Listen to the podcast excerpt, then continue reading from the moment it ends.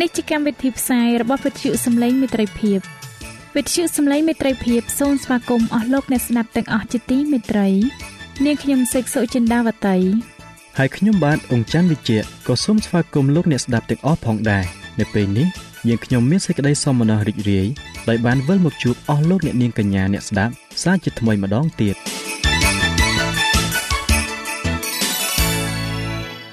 នាងខ្ញុំសេកសុចិន្តាវតី សូមជម្រាបជូនកម្មវិធីផ្សាយដែលមានជាបន្តបន្ទាប់ដូចតទៅនេតិជួបជាមួយព្រះបន្ទូលនេតិសុខភាពចា៎លោកអ្នកស្ដាប់ជាទីមេត្រី នាងខ្ញុំសូមគោរពអញ្ជើញអស់លោកលោកស្រី អ្នកនាងកញ្ញាតាមដានស្ដាប់កម្មវិធីផ្សាយរបស់វិទ្យុយើងខ្ញុំដូចតទៅ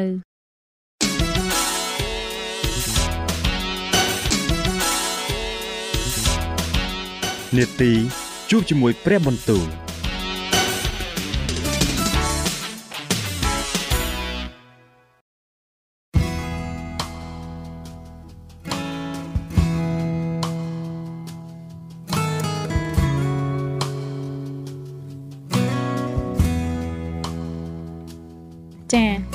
ស់លោកអ្នកស្ដាប់ជាទីមេត្រី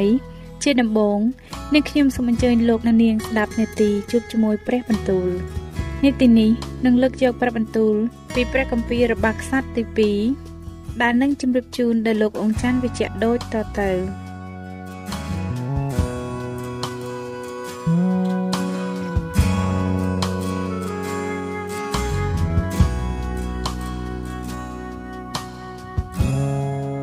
ព្រះគម្ពីររបស់ខ្សត្រទី2ជំពូកទី10អេរេហូបោមទ្រង់យាងទៅដល់ក្រុងស៊ីកេមត្បិតពួកអ៊ីស្រាអែលទាំងអស់គ្នាបានមូលមកឯក្រុងស៊ីកេមដើម្បីនឹងតាំងទ្រង់ឡើងជាស្ដេចរីឯយេរូបោមជាកូននេបាតដែលនៅស្រុកអេស៊ីបជាកន្លែងដែលបានរត់ទៅឲ្យរួចពីស្ដេចសាឡូមោនកាបានលើដំណឹងនោះលោកក៏ចេញពីស្រុកអេស៊ីបមកវិញហើយគេចាត់ទៅហៅលោកមកដូចលោកនិងពួកអ៊ីស្រាអែលទាំងអស់ក៏មកករេហូបោមទូលថា ព្រះបិតាទ្រង់បានធ្វើឲ្យនឹមជើងធ្ងន់ពេកណាស់ដូច្នេះសូមទ្រង់មេត្តាប្រោះឲ្យការតឹងរឹងរបស់ព្រះបិតាទ្រង់នឹងនឹមយ៉ាងធ្ងន់ដែលទ្រង់បានដាក់លើយើងខ្ញុំបានស្រាវចេញនោះយើងខ្ញុំនឹងប្រព្រឹត្តតាមទ្រង់ទ្រង់មានបន្ទូលឆ្លើយថាចាំ3ថ្ងៃទៀតសូមត្រឡប់មកឲ្យយើងវិញបណ្ដាជនទាំងឡាយក៏បង្គំលាទៅស្ដេចរេហូបោមទ្រង់ប្រឹក្សានឹងពួកចាស់ចាស់ជាពួកចំណិតនៃសាឡូមោនព្រះបិតាទ្រង់ ក្នុងការដែលមានប្រជជននៅឡើយថាតាមគំនិតរបស់អ្នករាល់គ្នានោះតើត្រូវឆ្លើយនឹងពួករាជនេះយ៉ាងនេះម្ដេចគេក៏ទូលឆ្លើយថាបើសិនជាទ្រង់ប្រព្រឹត្តនឹងបណ្ដាជននេះដោយសប្បុរសហើយប្រកបដោយចិត្តគេព្រមទាំងមានបន្ទូលនឹងគេដោយពាក្យផ្អែមល្ហែមនោះគេនឹងនៅជាអ្នកបម្រើរបស់ទ្រង់ជាដរាបទៅប៉ុន្តែទ្រង់មិនព្រមតាមគំនិតនៃពួកចាស់ចាស់ទាំងនោះទេគឺទ្រង់ទៅប្រឹក្សានឹងពួកក្មេងៗស្រកនឹងទ្រង់ជាពួកចំណិតរបស់ទ្រង់វិញដោយបន្ទូលថាអ្នករាល់គ្នាគិតយ៉ាងណា តើត្រូវឲ្យយើងឆ្លើយនឹងពួកសាសនេះដូចម្ដេចដែលគេបានសូមយើងថាសូមមេត្តាប្រោះឲ្យនឹមដែលព្រះបិតាទ្រង់បានដាក់លើយើងរាល់គ្នាបានស្រាប់ទៅរួចពួកក្មេងៗដែលស្រកនឹងទ្រង់គេទូលថាឯពួករាជនេះ ដែលមកទូលសូមទ្រង់ថាព្រះបិតាទ្រង់បានធ្វើឲ្យនឹមយើងខ្ញុំរាល់គ្នាធ្ងន់ពេកសូមទ្រង់មេត្តាប្រោះឲ្យបានស្រាលដល់យើងខ្ញុំវិញដូច្នេះនោះត្រូវឲ្យទ្រង់មានបន្ទូលឆ្លើយនឹងគេយ៉ាងនេះវិញថា កូនដៃយើងនឹងបានធំជាងផ្លូវរបស់ព្រះបិតាយើងហើយព្រះបិតាយើងទ្រង់បានដាក់នឹមយ៉ាងធ្ងន់លើឯងរាល់គ្នាតែឥឡូវនេះយើងនឹងមកថែមឲ្យនឹមឯងរាល់គ្នាបានធ្ងន់ជាងទៅទៀតព្រះបិតាយើងបានវាផ្ចាលឯងរាល់គ្នាដោយរពាត់តែយើងនឹងវាផ្ចាលឯងរាល់គ្នាដោយខ្យាដំរីវិញលុះដល់ថ្ងៃទី3យេរូបោមនិងបណ្ដាជនទាំងឡាយក៏មកគាល់រេហូបោមដូចជាទ្រង់បង្គាប់ដោយបន្ទូលថាដល់ថ្ងៃទី3ចូលឯងរាល់គ្នាត្រឡប់មកឯយើងវិញ នោះស្ដេចទ្រង់មានបន្ទូលឆ្លើយដល់គេ ជាពាក្យគំរោះគំរើយឥតតាមគំនិតរបស់ពួកចាស់ចាស់ឡើយគឺទ្រង់បានមានបន្ទូលទៅគេ តាមគំនិតរបស់ពួកក្មេងៗនោះវិញថាបិតាយើងបានធ្វើឲ្យនឹមឯងរាល់គ្នាមានទម្ងន់តែយើងនឹងបន្ថែមឲ្យនឹមឯងរាល់គ្នា បានធ្ងន់ជាងទៅទៀតបិតាយើងបានវាផ្ចាល់ឯងរាល់គ្នាដោយរំពាត់តែយើងនឹងវាផ្ចាល់ឯងរាល់គ្នាដោយខ្យាដំរីវិញ ស្ដេចទ្រង់មិនព្រមស្ដាប់តាមបណ្ដាជនទេត្បិតការនោះកើតមកអំពីព្រះយេហូវ៉ាដើម្បីនឹងសម្រេចតាមសេចក្តីដែលទ្រង់បានមានបន្ទូលនឹងយេរូបោមជាកូននេបាតដោយសារអហ៊ីយ៉ាជាអ្នកស្រុកស៊ីឡូលុះកាលពួកអ៊ីស្រាអែលទាំងប៉ុន្មានបានឃើញថា ស្ដេចមិនបានព្រមស្ដាប់តាមគេដូច្នោះនោះគេទូលតបថាតែយើងរកគ្នាមានចំណែកអ្វីខាងដាវីតយើងក៏គ្មានមរតកជាមួយនឹងកូនចៅអ៊ីសាយដែរអោពួកអ៊ីស្រាអែលអើយ ចូលយើងវិលទៅផ្ទះរៀងខ្លួនវិញទៅឥឡូវនេះដាវីតអើយចូលមើលព្រះវង្សរបស់ខ្លួនឯងចុះដូច្នេះពួកអ៊ីស្រាអែលទាំងអស់ក៏ត្រឡប់ទៅឯទីលំនៅគេវិញទៅ តែឯពួកកូនចៅអ៊ីស្រាអែលដែលនៅក្នុងអស់ទាំងទីក្រុងរបស់ពួកយូដានូរ៉េហូបោមបានសោយរាជលើគេវិញរួចមកស្ដេចរេហូបោមទ្រង់ចាត់អាដូរ៉ាមដែលត្រួតលើពួកកំណែនឲ្យទៅ តែពួកអ៊ីស្រាអែលទាំងអស់គ្នា គេចោលលោកនឹងថ្មសម្លាប់ទៅ ដូច្នេះស្ដេចរេហូបោមក៏ប្រញាប់ប្រញាល់នឹងឡើងព្រះរាជរថរត់ទៅឯក្រុងយេរូសាឡឹមដែលពួកអ៊ីស្រាអែលបានបោះបោនឹងរាជវង្សនៃដាវីតដរាបដល់សពថ្ងៃនេះព្រះគម្ពីររបស់ខ្សត្រទី2ចំពុកទី11រីឯការរេហូបោមទ្រង់មកដល់យេរូសាឡឹមហើយនោះទ្រង់ក៏ប្រមូលពូជពងយូដាទាំងអស់ និងពួកអម្បូបេនយ៉ាមីនផងរួមទាំងអស់បាន180,000នាក់សុទ្ធតែជាអ្នកជ្រើសរើសហើយថ្នឹកចម្បាំងដើម្បីលើកទៅច្បាំងនឹងពួកអ៊ីស្រាអែលដោយប្រាថ្នាចង់បង្វិលរាជមកវិញប៉ុន្តែព្រះបន្ទូលនៃព្រះយេហូវ៉ាបានមកដល់សេម៉ាយ៉ាជាអ្នកសំណប់របស់ព្រះថាចូលទៅប្រាប់ដល់រេហូបោមជាកូនសាឡូមោនស្ដេចស្រុកយូដាហើយដល់សាសអ៊ីស្រាអែលនៅខេត្តយូដានិងបេនយ៉ាមីនទាំងអស់ថាព្រះយេហូវ៉ាទ្រង់មានបន្ទូលដូច្នេះ កុំឲ្យឯងរាល់គ្នាឡើងទៅច្បាស់នឹងពួកបងប្អូនឯងឡើយចូលវិលទៅឯទីលំនៅឯងរៀងខ្លួនទៅត្បិតការនេះគឺអញបានបង្កើតឡើងទេ គេក៏ស្ដាប់តាមព្រះបន្ទូលនៃព្រះយេហូវ៉ាគឺគេវិលត្រឡប់ពីផ្លូវដែលគេឡើងទៅទាស់នឹងយេរូបោមនោះទៅវិញដូច្នេះស្ដេចរេហូបោមទ្រង់គង់នៅក្រុងយេរូសាឡឹមហើយក៏សង់ទីក្រុងខ្លះនៅស្រុកយូដាសម្រាប់ការពារស្រុកទ្រង់សង់ក្រុងបេតលេហឹមអេថាមកូអាបេតសឺស៊ូកូ អាដូឡាមកាតម៉ារីសាស៊ីបអាដូរ៉េមឡាគីសអាសេកាស៊ូរ៉ាសអាយ៉ាឡូននិងហេប្រុនដែលនៅស្រុកយូដានិងស្រុកបេនយ៉ាមីនសុទ្ធតែជាទីក្រុងមានមន្ទីរទាំងអស់ទ្រង់ក៏ធ្វើបន្ទីទាំងប៉ុន្មានឲ្យមួមួនឡើងហើយដាក់ឲ្យមានមេតបលើគ្រប់បន្ទីទាំងនោះព្រមទាំងឲ្យមានស្បៀងអាហារប្រេងនិងស្រាទំពាំងបាយជូរផងហើយនៅគ្រប់ទាំងទីក្រុង ទ្រង់បានបំរុងទុកខែលនិងលំពែងឲ្យទីក្រុងទាំងនោះបានមានកម្លាំងក្រៃលែងឯស្រុកយូដា និងស្រុកបេនយ៉ាមីននោះជារបស់ផងទ្រង់ឯពួកសង្ឃនិងពួកលេវីដែលនៅគ្រប់ក្នុងស្រុកអ៊ីស្រាអែលគេក៏ចេញពីស្រុករបស់ខ្លួនមូលមកឯទ្រង់ទាំងអស់ ពួកគេ ពួកលេវីគេលះចោលទីលំនៅ និងគេអាកររបស់គេមូលមកនៅស្រុកយូដានិងក្រុងយេរូសាឡឹមទាំងអស់ពីព្រោះយេរូបោមនិងកូនចៅទ្រង់បានបោះបង់ចោលគេចេញមិនឲ្យគេធ្វើការងារជាសង្ឃថ្វាយព្រះយេហូវ៉ាទេហើយក៏តាំងពួកអ្នកដតីឡើងជាសង្ឃសម្រាប់អស់ទាំងទីខ្ពស់រូបពពែឈ្មោលនិងកូនកោដែលទ្រង់បានធ្វើឯពួកអ្នកនៅអស់ទាំងពូជអម្បូរនៃសាសអ៊ីស្រាអែលគឺជាអ្នកដែលតាំងចិត្តរកព្រះយេហូវ៉ាជាព្រះនៃសាសអ៊ីស្រាអែល នោះក៏តាមពួកលេវីនោះមកឯក្រុងយេរូសាឡឹមដើម្បីនឹងថ្វាយយ៉ាញ់បូជាដល់ព្រះយេហូវ៉ាជាព្រះនៃពួកអាយកោគេយ៉ាងនោះគេបានចម្រើនកម្លាំងដល់រាជយូដាក៏បានធ្វើឲ្យរេហូបោមជាបុត្រសាឡូមោនមានកម្លាំងនៅអស់3ឆ្នាំត្បិតក្នុងរវាង3ឆ្នាំនោះគេបានប្រព្រឹត្តតាមផ្លូវរបស់ដាវីតនិងសាឡូមោនឯរេហូបោមទ្រង់យកភរិយាគឺនាងវ៉ាហាឡាត់ជាបុត្រីនៃយេរូម៉ូតពូជពងដាវីតនិងនៃអាប៊ីហាលជាបុត្រីអេលៀបដែលជាបុត្រីអ៊ីសាយ ព្រះនាងនោះបង្កើតបានបុត្រាថ្វាយទ្រង់គឺយេអូសសេម៉ារីយ៉ានិងសាហាំបន្ទាប់នឹងនាងនោះទ្រង់ក៏យកនាងម៉ាអាកាជាបុត្រីអាប់សាឡុមនាងនោះបង្កើតអាប៊ីយ៉ាអាថាយសេសានិងសាឡូមីថ្វាយទ្រង់រេហូបោមទ្រង់ស្រឡាញ់នាងម៉ាអាកាជាបុត្រីអាប់សាឡុមលើជាងអស់ទាំងភរិយានិងពួកអ្នកមនាងរបស់ទ្រង់វត្តទ្រង់បានយកភរិយា18និងអ្នកមនាង60ក៏បង្កើតបានបុត្រា28អង្គនិងបុត្រី60អង្គ រេហូបោមទ្រង់តាំងអាប៊ីយ៉ាជាបុត្រានៃនាងម៉ាអាកាទុកជាបុត្រធំគឺជាប្រធានក្នុងពួកបងប្អូនទាំងប៉ុន្មានដើម្បីតាំងឡើងជាស្ដេចទ្រង់ក៏ធ្វើដោយឆ្លាតគឺបានចាត់អស់ទាំងបុត្រានៃទ្រង់ឲ្យទៅនៅគ្រប់ក្នុងស្រុកយូដានិងស្រុកបេនយ៉ាមីនក្នុងអស់ទាំងទីក្រុងមានបន្ទាយក៏ប្រទានឲ្យមានស្បៀងអាហារជាបរិបូរហើយរកប្រពន្ធជាច្រើនឲ្យដល់បុត្រាទាំងនោះដែរ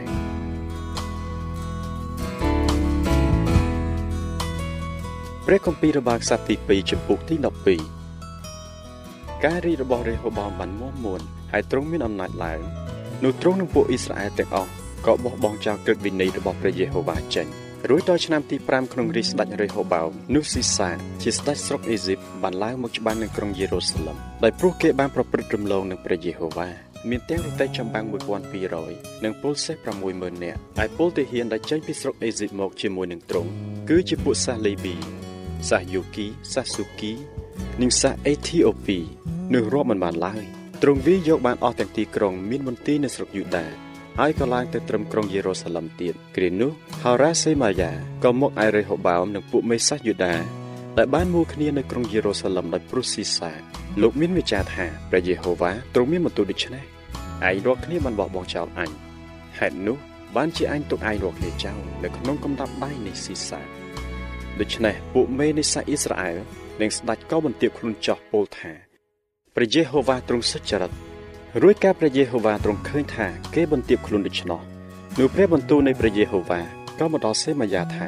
គេបានបន្ទាបខ្លួនហើយដូច្នេះអញនឹងមិនបំផ្លាញគេទេ តែបន្តិចទៀតអញនឹងប្រោះឲ្យគេរួចហើយអញមិនចាក់សេចក្តីក្រោធរបស់អញទៅលើក្រុងយេរូសាឡឹមដោយសារដៃស៊ីសាឡើយប៉ុន្តែគេនឹងត្រូវចំណោះទ្រង់វិញ ដើម្បីឲ្យគេអាចនឹងផ្ទឹមការបម្រើដល់អញនិងការបម្រើដល់នគរដទៃឲ្យដឹងដូច្នេះស៊ីសាជាស្ដេចអេស៊ីបទ្រង់ឡើងមកទាស់នៅក្រុងយេរូសាឡឹមក៏យកបានអស់ទាំងទ្រព្យវិសេសក្នុងព្រះវិហារនៃព្រះយេហូវ៉ានិងព្រះរាជទ្រព្យដែលនៅក្នុងដំណាក់ស្ដេចអស់រលីងទៅព្រមទាំងខែលមាសទាំងប៉ុន្មានដែលសាឡូមោនបានធ្វើផងរួចស្ដេចរេហូបោមទ្រង់ធ្វើខែលលង្ហិនជំនួសវិញហើយប្រគល់ទុកនៅដៃនៃពួកមេតបរិក្សាអង្គដែលចាំមាត់ទ្វារដំណាក់ស្ដេច នៅវេលាណាដែលស្ដេចទ្រង់យាងចូលទៅក្នុងព្រះវិហារនៃព្រះយេហូវ៉ានោះពួកទ័ពរិក្សាអង្គក៏កាន់ខែទាំងនោះមករួចយកទៅទុកក្នុងបន្ទប់នៃពួកទ័ពរក្សាអង្គវិញនៅគ្រាដែលទ្រង់បានបន្ទាបអង្គនោះសេចក្តីក្រោធនៃព្រះយេហូវ៉ាក៏ងាកបែរចេញពីទ្រង់ទៅប្រយោជន៍មិនឲ្យទ្រង់ត្រូវវិនាសអស់រលែងឡើយហើយមួយទៀតក្នុងស្រុកយូដាក៏នៅមានសេចក្តីល្អខ្លះដែរស្ដេចរេហូបោមទ្រង់ចម្រើនកម្លាំងឡើងនៅក្រុងយេរូសាឡឹមហើយក៏សោយរាជតទៅ ការរេហូបោមចាប់តាំងសោយរាជនោះទ្រង់មានប្រជញ្ញ41ឆ្នាំហើយក៏សោយរាជបាន17ឆ្នាំនៅក្រុងយេរូសាឡឹមជាទីក្រុងដែលព្រះយេហូវ៉ាបានរើសពីគ្រប់ទាំងពូជអម្បូរនៃសាសអ៊ីស្រាអែលដើម្បីនឹងទុកព្រះនាមទ្រង់ឯព្រះមេតាទ្រង់ព្រះនាមជាណាអាម៉ាជាសាសអាម៉ូនស្ដេចទ្រង់បានប្រព្រឹត្តអំពើដ៏លិមួអាក្រក់ពីព្រោះទ្រង់មិនបានតាំងព្រះតីស្វែងរកព្រះយេហូវ៉ាឡើយរីឯដំណើរទាំងប៉ុន្មានពីរេហូបោមទាំងមុនទាំងក្រោយ នោះសុទ្ធតែបានកត់ទុកក្នុងពងសាវតាតែហោរ៉ាសេម៉ាយ៉ានិងអ៊ីដាវជាអ្នកមើលឆុតបានតែងតាមរបៀបរឿងរ៉ាវតតមកហើយចំណែករេហូបោមនិងយេរូបោមទ្រង់ចេះតែច្បាំងគ្នាជានិច្ចរេហូបោមក៏ផ្ទុំលក់ទៅជាមួយនឹងពួកឯកកោទ្រង់ទៅហើយគេបញ្ចុះសពទ្រង់នៅក្នុងក្រុងដាវីតរួចអាវីយ៉ាជាព្រះរាជបុត្រាក៏ឡើងសោយរាជជំនួសព្រះបិតា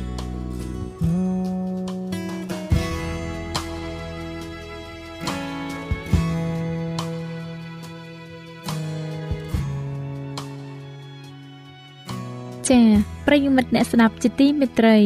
ដោយពេលវេលាមានកំណត់ យើងខ្ញុំសូមផ្អាកនេតិជប់ជាមួយព្រឹបបន្ទូលនេះត្រឹមតែប៉ុណ្ណេះសិនចុះដោយសន្យាថានឹងលើកយកនីតិនេះមកជម្រាបជូនជាបន្តទៀតនៅថ្ងៃស្អែកសូមអរគុណ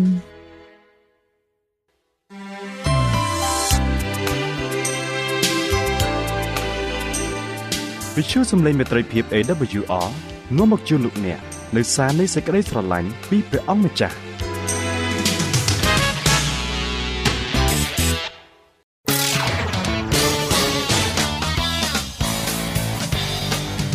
សូមជូននីតិសុខភាព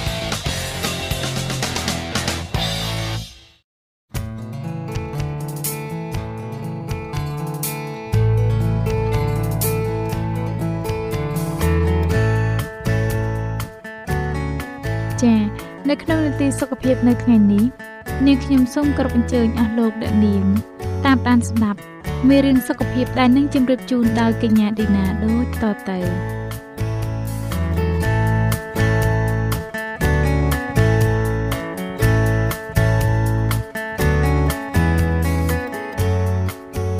ចា៎នេះខ្ញុំសូមជម្រាបសួរអស់លោកអ្នកស្ដាប់ជាទីមេត្រី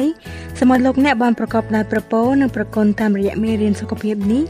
នេះខ្ញុំមានអំណរណាស់ដែលបានវិលមកជួបលោកអ្នកសាជាថ្មីម្ដងទៀតដោយនាំមកនៅមេរៀនមួយទៀតដែលលោកអ្នកកំពុងតែទន្ទឹងរង់ចាំមេរៀននេះមានចំណងជើងថារបៀបយកឈ្នះលើភាពសោកសៅចាជាដំបូងសូមលោកអ្នកស្ដាប់រឿងមួយសិនដែលនិយាយពីបរិមម្នាក់ឈ្មោះថាថមថមនឹងក្រុមគ្រួសារ កំពុងអសប្បាយជាមួយនឹងរដូវរំហើយនៅរដ្ឋឥណ្ឌាណានៃសហរដ្ឋអាមេរិកនាពេលរុស្ស៊ីដ៏ស្រទន់មួយរំពេចនោះស្រាប់តែមានភាពងងឹតបានមកគ្របដណ្ដប់បន្ទប់របស់ពួកគេស្ដាប់ពីខាងក្រៅទៅលើសំឡេងខ្ទោខ្ទាដូចជាសំឡេងក្បាលរថភ្លើងដែលកំពុងតែធ្វើដំណើរមកក្រោយពីមើលទៅតាមបង្អួយរួចថមស្រែកឡើងរត់ទៅឡានឲ្យលឿនខ្យល់ព្យុះកំពុងមកជិតដល់ហើយ ក្រុមគ្រួសារក៏ស្ទុយរត់ចេញពីផ្ទះចូលទៅក្នុងឡាន ហើយបោកចេញទៅយ៉ាងប្រញាប់ប្រញាល់ដោយការភ័យខ្លាចពេលមើលមកក្រោយវិញកូនម្នាក់ក៏ស្រែកឡើងប៉ាវាមកបុកយើងឥឡូវហើយសម្រាប់ចិត្តភ្លាមភ្លាមថមក៏បត់ឡានមកទៅខាងឆ្វេងតាមផ្លូវតូចគ្មានបងអងដៃការកំពុងតែព្យាយាមបត់គេចពីខ្ចប់ជុះនោះស្រាប់តែពួកគេក៏ជួបនឹងដំបូលផ្ទះដែលកំពុងនៅចំពីមុខពួកគេ វាមិនបានបុកឡានទេតែវាបានធ្លាក់លើផ្លូវដូចជាផ្លូវទួលដែលបញ្ជូនឡានហោះទៅលើអាកាសហើយធ្លាក់បុកដីវិញធ្វើឲ្យគ្រប់គ្នាទល់ផ្អកបើទោះបីជាគ្មាននរណាម្នាក់រងរបួសក៏ពិតមែនប៉ុន្តែពួកគេទាំងអស់គ្នាមានភាពតក់ស្លុតជាខ្លាំងរួចខ្ចប់ព្យុះបានរសាត់ផុតទៅពួកគេបានរួចខ្លួនទាំងញាប់ញ័ររន្ធត់ហើយដឹងថាព្រះបានថែរក្សាពួកគេឲ្យរួចជីវិត បន្ទាប់មកពួកគេមានស្មារតីនឹងនៅឡើងវិញហើយក៏ធ្វើដំណើរត្រឡប់ទៅផ្ទះវិញខណៈពេលកំពុងត្រឡប់មកផ្ទះវិញនោះពួកគេក៏មានការភ្ញាក់ផ្អើលជាខ្លាំងដោយបានឃើញទស្សនវិជ្ជាខូចខាតនៅជុំវិញពួកគេដូចជាផ្ទះសម្បែងរបស់អ្នកជិតខាង រលំខ្ទេចជំរាកឈើរប៉ាត់រប៉ាយនៅតាមវាលហើយលិចចេញក្បាលមកពីដីប្រៀបដូចជាច្រាស់ដោះថ្មិញពេលមកដល់ផ្ទះវិញឃើញតែវិនិស្សកម្មដ៏គួរឲ្យរន្ធត់ចិត្តរបស់ដែលនៅសេសសល់ដូចដើមនោះមានតែអង្រឹងមួយដែលចង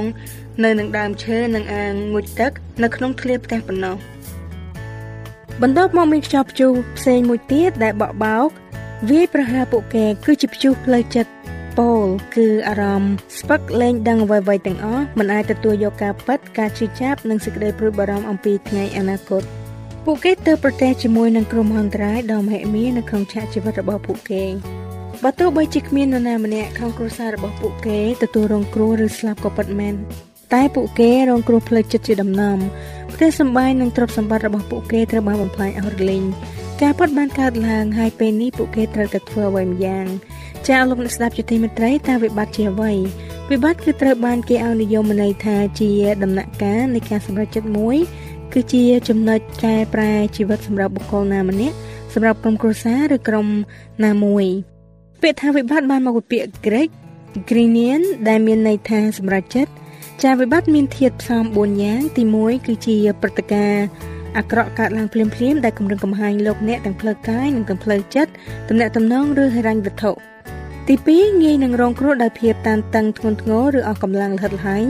ទី3គឺជាកត្តាណាមួយដែលធ្ងន់ហួសល្បត់រហូតជំរុញឲ្យលោកអ្នកតតច្រកនិងទី4ជាដំណាក់កាលចុងក្រោយនៃវិបត្តិគឺធ្វើឲ្យលោកអ្នកខ្វះទីពឹងនិងរងការគំរាមកំហែងពីវិបត្តិនោះ ដំណាក់កាលចុងក្រោយនេះឯងគឺជាពេលដែលអ្នកត្រូវសម្រេចចិត្តពោគឺលោកអ្នកត្រូវតែសម្រេចចិត្តថាត្រូវប្រតិកម្មយ៉ាងណាលោកអ្នកក៏ប្រហែលជាធ្លាប់ជួបប្រទះនៅអារម្មណ៍តក់ស្លុតរន្ធត់ជឿចាប់និងខឹងសម្បាដោយថមនិងក្រុមកសាជួបបន្ទាប់ពីខ្យល់ព្យុះដែរហើយមើលទៅលោកអ្នកប្រហែលជាកំពុងឆ្លងកាត់ខ្យល់ព្យុះផ្ទាល់ខ្លួនដែរក៏មិនដឹងដូចជាព្យុះនៃសុខភាពរាងកាយហិរញ្ញវត្ថុក្រុមគ្រួសារឬព្យុះផ្សេងផ្សេងទៀតជាដើម ភាពឯកានិងការខកចិត្តអាចកំពុងយាយីលោកអ្នកគោលបំណងនៃជំពូកនេះគឺដើម្បីជួយលោកអ្នកឲ្យមានសង្ឃឹមទទួលបាននូវទំនុកបង្រងនិងមានសេចក្តីសុខសាន្តចាយើងខ្ញុំចង់ផ្ដល់ជូនលោកអ្នកនូវឧបករណ៍ជំនាញនិងយុទ្ធសាស្ត្រដោះស្រាយបញ្ហាផ្សេងៗ ដើម្បីនាំលោកអ្នកពីក្រុមហ៊ុនត្រៃទៅកាន់ជ័យជំនះយើងមិនត្រឹមតែផ្ដល់ក្តីសង្ឃឹមឲ្យលោកអ្នកប៉ុណ្ណោះទេ តែក៏ជួយពុះពៀដោះស្រាយព្យុះសង្គ្រាមរបស់លោកអ្នកផងដែរទុកលំបាកទាំងឡាយដែលយើងឆ្លងកាត់គឺដើម្បីត្រៀមយើងសម្រាប់ការលំបាកនេះពេលអនាគតចានៅក្នុងមេរៀននេះយើងខ្ញុំនឹងសង្កត់ធ្ងន់ទៅលើវិបត្តិផ្ទាល់ខ្លួនហើយនៅមេរៀនក្រោយទៀតយើងនឹងផ្ដោតលើវិបត្តិសកលវិញ តែមិនថាវិបត្តិផ្ទាល់ខ្លួនឬជាវិបត្តិសកលនោះទេរឿងដែលចាំបាច់បំផុតសម្រាប់សុខភាពនិងអារម្មណ៍របស់យើង គឺត្រូវមានជំនាញដំណោះស្រាយហើយត្រូវចេះរកកម្លាំងមកពីក្នុងចិត្តដើម្បីយកឈ្នះលើគ្រោះមហន្តរាយនោះយើងត្រូវការកម្លាំងមកពីក្នុងចិត្តលោក Winston Churchill បានកម្លាចិត្តប្រជាជនអង់គ្លេសកាលពីសម័យសង្គ្រាមលោកលើកទី2គ្រាដែលពួកគេកំពុងរងការឈ្លានពានពីសំណាក់ពួកណាស៊ី ប្រសាសន៍របស់លោកនៅតែជាសេចក្តីពិតមកទល់សពថ្ងៃនេះនៅពេលដែលយើងប្រឈមមុខទៅនឹងវិបត្តិលោកបានប្រសាសន៍ថាមិនត្រូវចុះញោមជាដាច់ខាតមិនត្រូវចុះញោមជាដាច់ខាតមិនត្រូវចុះញោមជាដាច់ខាតមិនថាជាការនោះធំឬតូចក្តីសំខាន់ឬមិនសំខាន់ក្តីមិនត្រូវចោះញោមតតែសោះឲ្យតែការនោះសម្រាប់កិត្តិយសនិងជាអំពើល្អប៉ុណ្ណោះត្រូវពុះពៀទៅមុខជានិច្ចមិនថាព្យុះជីវិតនាំអ្វីមកឲ្យយើងនោះទេយើងត្រូវរស់នៅ10នាទីម្ដងហើយព្យាយាមឲ្យអស់ពីសមត្ថភាពរបស់យើង យើងយកវិបត្តិរបស់យើងថ្វាយទៅព្រះជាម្ចាស់ព្រះអង្គគឺជាជំនួយជាប្រចាំក្នុងពេលដែលយើងជួបទុក្ខលំបាកយើងមិននៅឯកាទេដរាបណានៅមានជីវិតវិបត្តិក៏នៅតែកើតឡើងដែរគ្រោះមហន្តរាយនិងវេលានៃទុក្ខវេទនាមិនដែលស្គាល់អ្នកណានោះទេមិនថាអ្នកមានឬក្រចាស់ឬក្មេងគឺវាកើតឡើងគ្រប់ទំហំរៀងរើនិងសន្តានវិបត្តិទាំងនេះមានដូចជាសេចក្តីស្លាប់ការបែកបាក់មិត្តភាពការមានផ្ទៃពោះដោយចៃដន្យគ្មានការងារធ្វើប្រទេសប្រពន្ធលែងលះគ្នានិងសុខភាពទ្រុឌទ្រោមជាដើមហើយក៏មានវិបត្តិជាច្រើនទៀតដូចជាជំងឺបាត់ការចងចាំគ្រោះថ្នាក់ចរាចរណ៍ប្រើប្រាស់ថ្នាំញៀននិងគ្រឿងស្រវឹងការធ្វើអត្តឃាតនៅក្នុងក្រុមគ្រួសាររងការចោទប្រកាន់ដោយអយុត្តិធម៌ការចាប់ដាក់គុកនិងបញ្ហាជាច្រើនផ្សេងទៀតតើថ្មីថ្មីនេះបញ្ហាណាមួយក្នុងចំណោមវិបត្តិទាំងនេះកើតមានចំពោះលោកអ្នកឬមិត្តភ័ក្តិរបស់អ្នកទេ សូមលោកអ្នកចងចាំថាព្រះទ្រង់សុខប្រតិយើងឆ្លងកាត់ការលំបាកជាមួយយើង ហើយទ្រង់តែងមានមធ្យោបាយចាំជួយយើងជានិច្ចចាលោក Henry Wadsworth Longfellow បានមានប្រសាសន៍ថា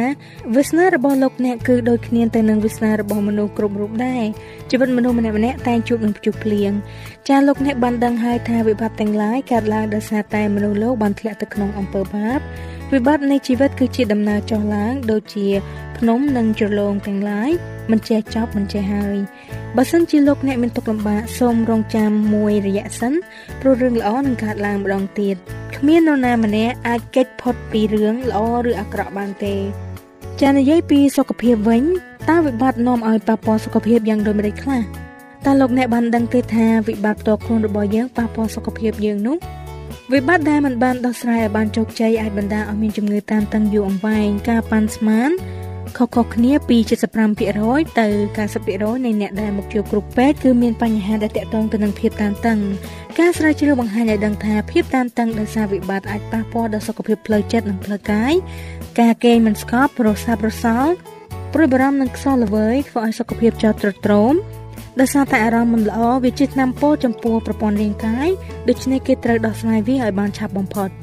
ប្រព័ន្ធការពាររាងកាយរបស់យើងរងទុក្ខដោយសារវិបត្តិទាំងនោះពេលដែលសេចក្តីព្រួយបារម្ភដែលបង្កឲ្យមានភាពតានតឹងនិងសេចក្តីថប់បារម្ភកើតឡើងនាំឲ្យមានការបញ្ចេញអរម៉ូនពីរយ៉ាងគឺអរម៉ូន cortisol និងអរម៉ូន noradrenaline ដែលបណ្ដាលឲ្យសម្ពាធឈាមឡើងខ្ពស់កាំងបេះដូងនិងដាច់សរសៃឈាមខួរក្បាល ក្នុងកំឡុងពេលនៃភាពតានតឹងនេះសេចក្តីល្បួងចង់ឲ្យសេពគ្រឿងស្រវឹងនិងគ្រឿងញៀនក៏កើនឡើងដែរ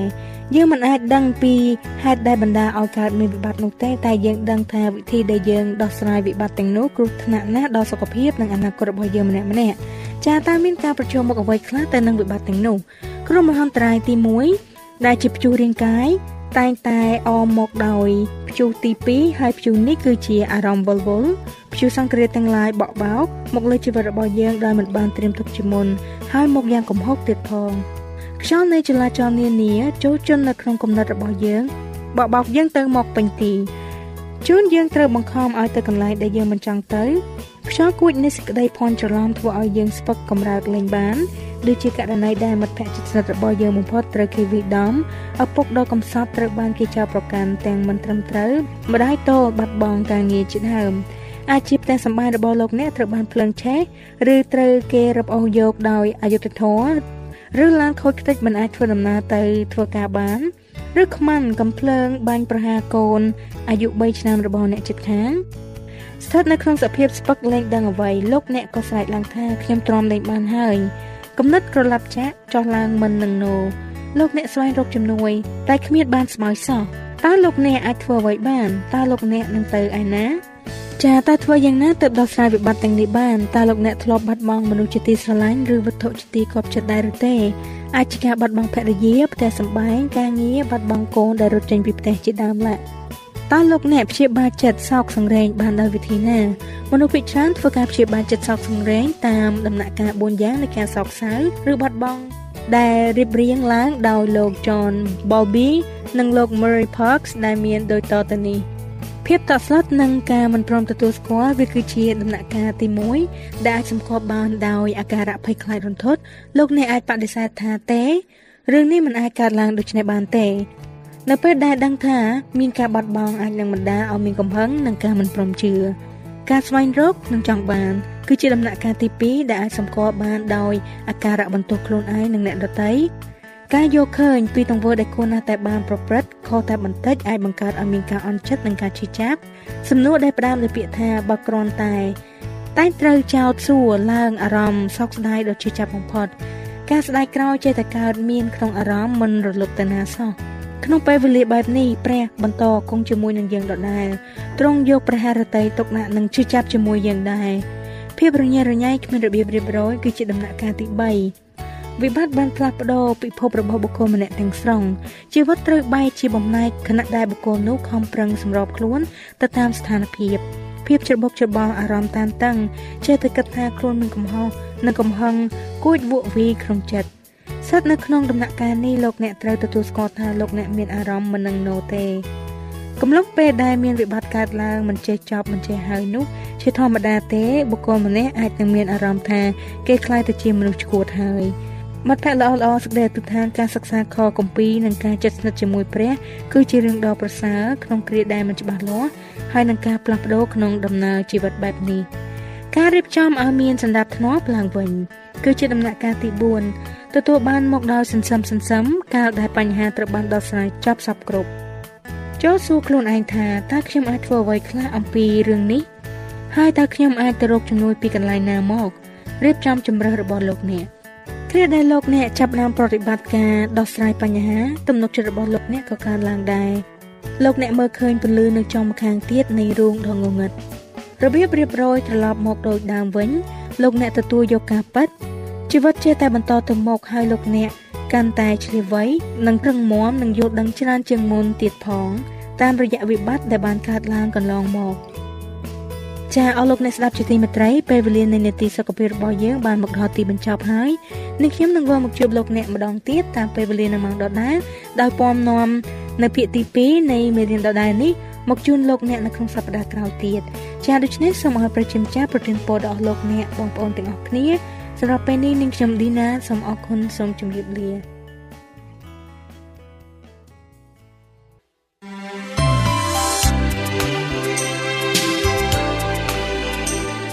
វិទ្យុសំឡេងមេត្រីភាព AWR